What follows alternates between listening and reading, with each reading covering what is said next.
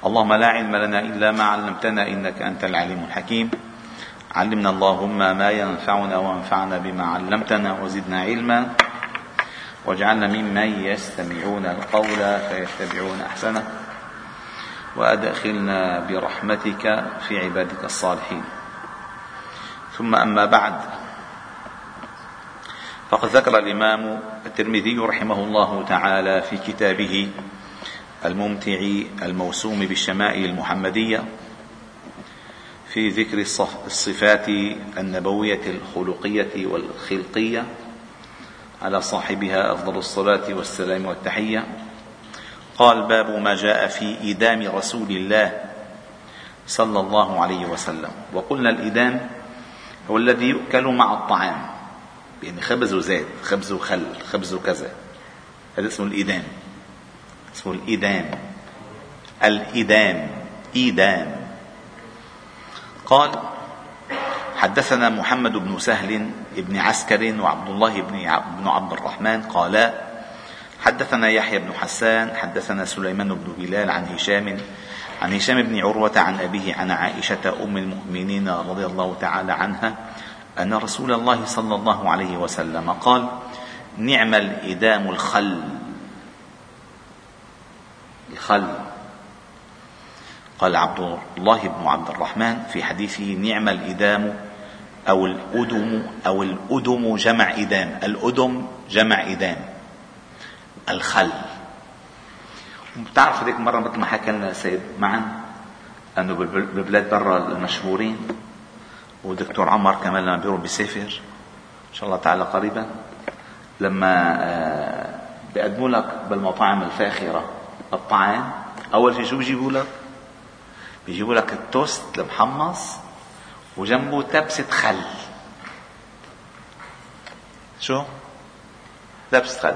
تتسلى فيها لوقت ما يجي الأكل. ها؟ يلي تتسلى فيه لوقت ما يجي الأكل هذا كان أكل نبينا محمد صلى الله عليه وسلم. يتسلى فيه. تخلص جيب لي أستاذ سيمون. أستاذ جيب لي خل لسه ما جاء هذا؟ تسلية. معك دكتور عمر؟ بتغطس؟ وتاكل آه كمان. تغطس؟ هذا اسمه إدام. شو اسمه؟ إدام. هذا الإدام. خبزة؟ ونتفة آه، ممكن تاكل جنبه زيت. خبز وزيت. من زمان كانوا يرشوا لهم بالرغيف أو فلا زيت وملح وخبزة وياكلوا سندويشة زيت هذا إدام.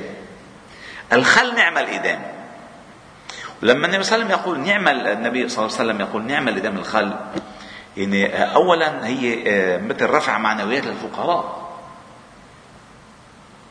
رفع معنويات لأن هو أصل الحديث مثل ما سيمر معنا أو لن يمر ولكن هذه القضية هكذا هكذا هي. لما قدم عند أحد فقدم له طعاما فما وجد عنده إلا الخل.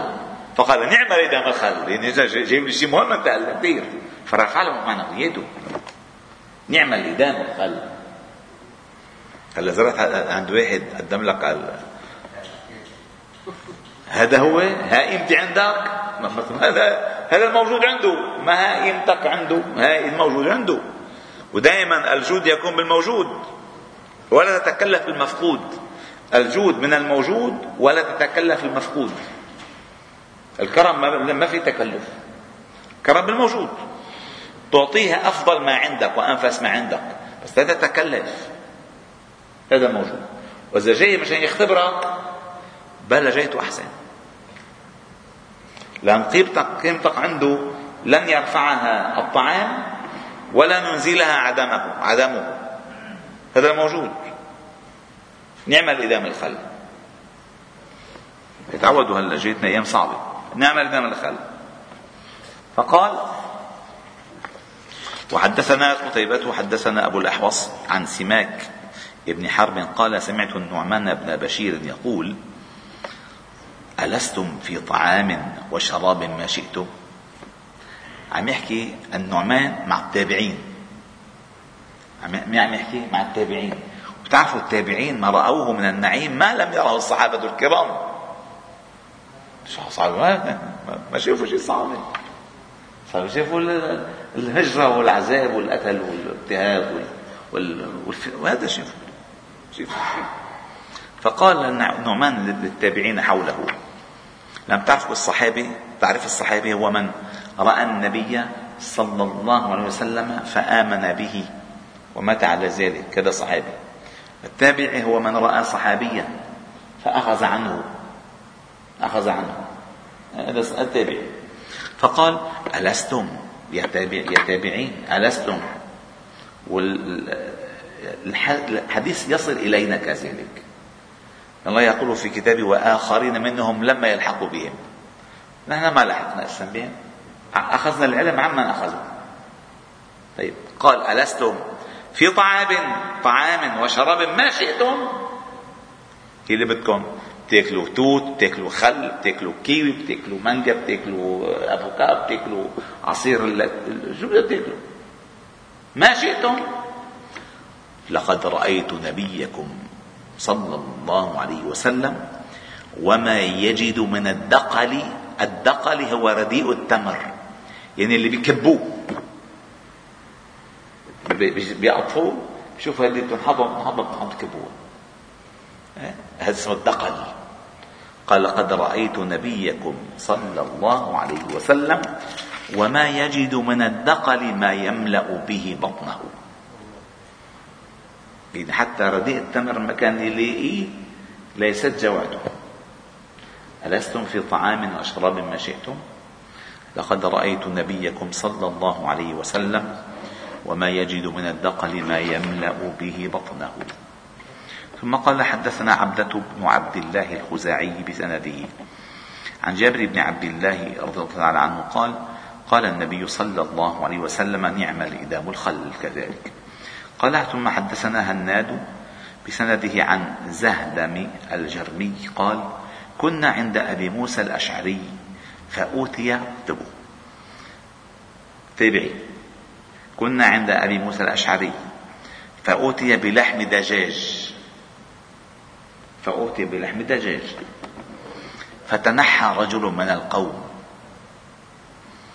فقال ما لك؟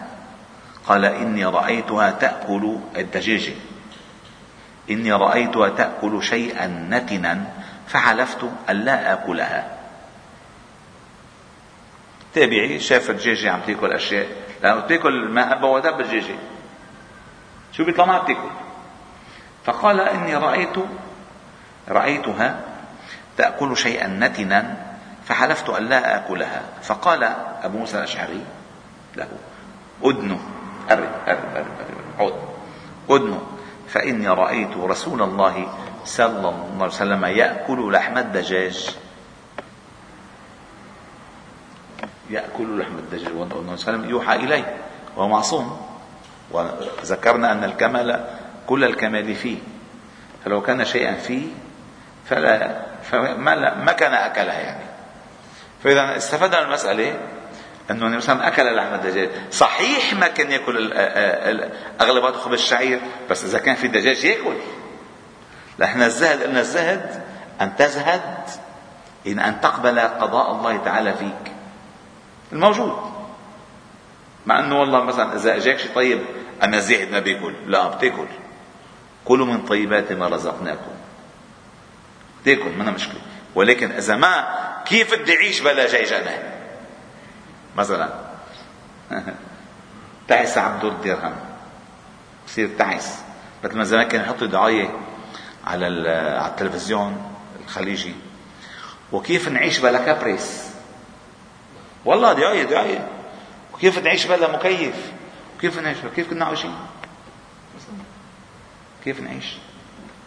ثم قال وحدثنا الفضل بن سهل العرج البغدادي حدثنا إبراهيم بن عبد الرحمن ابن مهدي عن إبراهيم بن عمر ابن سفينة عن أبيه عن جده رضي الله عنه قال أكلت مع رسول الله صلى الله عليه وسلم لحم حبارى حبارى هيدي مثل الدجاجة تعيش بالصحراء تعيش شكلها مثل مثل الدجاجة بس أرفع بتعيش بصحراء الجزيرة يعني.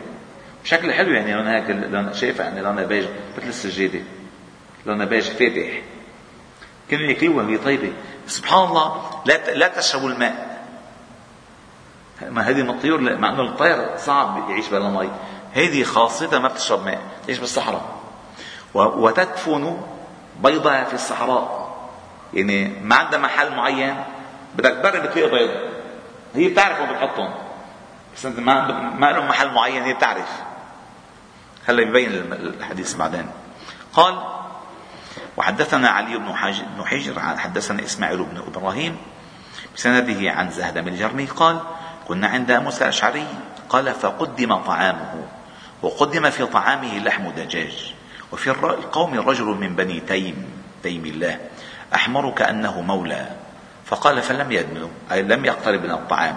فقال له أبو موسى أدنو فإني رأيت النبي صلى الله عليه وسلم أكل منه فقال فإني رأيت يأكل شيئا فخزرته فحلفت ألا أطعمه أبدا. طعم منه.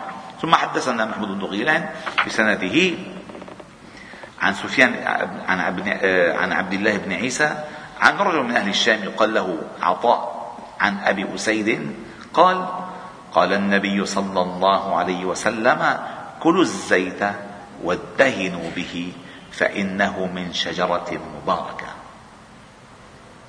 يعني ها إذا أكل الخل مع الخبز وأكل الزيت مع الخبز. كلوا الزيت وادهنوا به فإنه من شجرة مباركة. وفي حديث آخر قال كلوا الزيت وادهنوا به كذلك فإنه من شجرة مباركة. والحمد لله رب العالمين. سبحانك وبحمدك أشهد أن لا إله إلا أنت نستغفر ونتوب إليك صل وسلم وبارك على محمد وعلى آله وأصحابه أجمعين.